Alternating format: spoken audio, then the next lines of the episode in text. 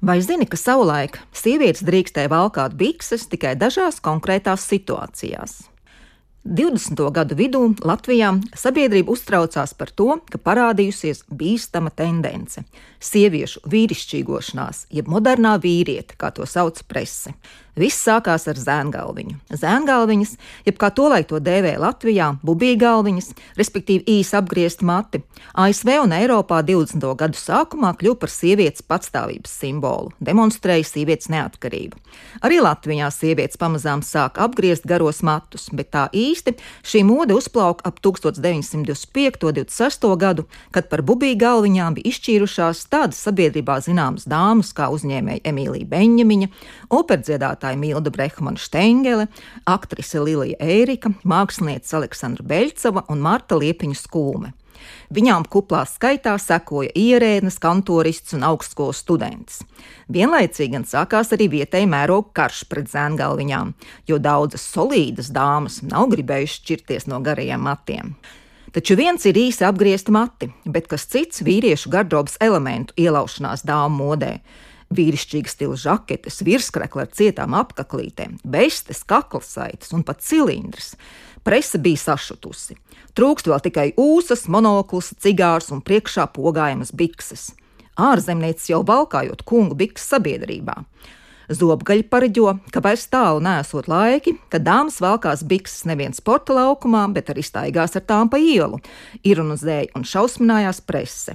Mode, ja precīzāk sabiedrības viedoklis, bikses sievietēm tolaik pieļāva tikai noteiktos apstākļos - vietā, laikā vai funkcijā. Mājās modes dāma piecēlusies no gultas valkāju pidžamu, platas plūstošas bikses no zīda un garu žaketi līdz pusgurnam. Taču šādā tērpā viņu drīkstēja redzēt tikai ģimenes locekļi.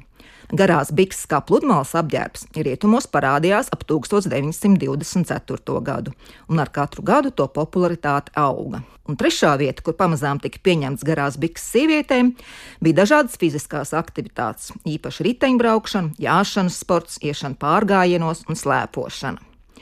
Latvijā bikses sieviešu gardrobē iedzīvojās lēnīgāk nekā Rietumē Eiropā.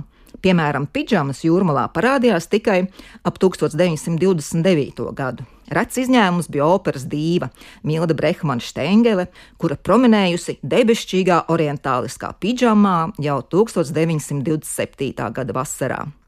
Arī žurnāli, kā ieteicam ģērbu pludmanei, visus 20. gadus vēl lielākoties ieteica peldmēteli, nevis pidžamu. 1929. gadā Rīgas jūrmalā parādījās pidžamas, bet pārsvarā bijušas redzamas veikalu prece, trafaretas kungu pidžamu kopijas no ordinārā mazgājumā zīda, kurās dāmas izskatījās kā no gultas piecēlušās. Bet jau 1930. gada vasarā tur valdījusi īsta pidžamu rēvija, eksotiska fantāzija un izšķērdība no lamē, šifona, ķīnas zīda, kašmira, dāmasta.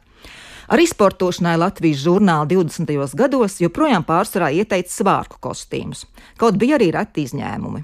Bet 30. gados bikses ziemas sportam veltītajās modes lapās parādās arvien biežāk. Kā ērtākās slēpošanai tika ieteikts tā saucās norvēģu bikses. Rīgas dāmas mīlējušas slēpotāju tērpos staigāt arī pa pilsētas centru un pat sēdēt kafejnīcās. Tā bija gana liela uzdrošināšanās laikā, kad būtisks sauklis bija dienas laikam un vietai piemērots apģērbs. Interesanti, ka citam iecienītam ziemas sportam, slidošanai, garās bikses nebija pieņemtas. Rīgas centrālās lidošanas vieta bija esplanāde, kur esot salasījies vietējais bomons. Svētdienās te bieži redzēja ministrus, ārvalstu diplomātus, profesorus, advokātus, ierēģus un tirgotājus, protams, arī gimnāzistus. Lūk, un slidotavā, lai arī kāds būtu augstums, dāmas valkāja svārciņus. Presa šausminājās, ka neredz slidotājus stundām ilgi slido plānās flora zeķēs un vieglos zīdu vai samtu svārciņos, zem kuriem nav pat kombinēti tikai pieglošs triko bikšelis, lai tikai kājas izskatītos slaidas. Un pabeidzot par biksēm. Amerikāņu modes dizainere Elizabete Hausa vēl 1939. gadā izmisumā par to, ka sievietes nevēlas pamanīt viņas prāt tik acīm redzamās bikšu priekšrocības un funkcionālās ērtības, rakstīja: Es jau varu tieši teikt, ka sievietēm uz darbu būtu jāvalkā bikses, bet mani vārdi neko neizmainīs. Pat ja to teiktu Greita Garbo, Šanela vai pats Dievs, arī tas neko nemainītu. Sievietes nav gatavas valkāt bikses ikdienā. Kad viņas būs gatavas, viņas tās valkās. Lai sieviete izkļūtu no korsetēm, bija nepieciešams pasaules karš. Iespējams, ka būs nepieciešams vēl viens, lai viņa iekāptu biksēs. Pareģojums izrādījās precīzs.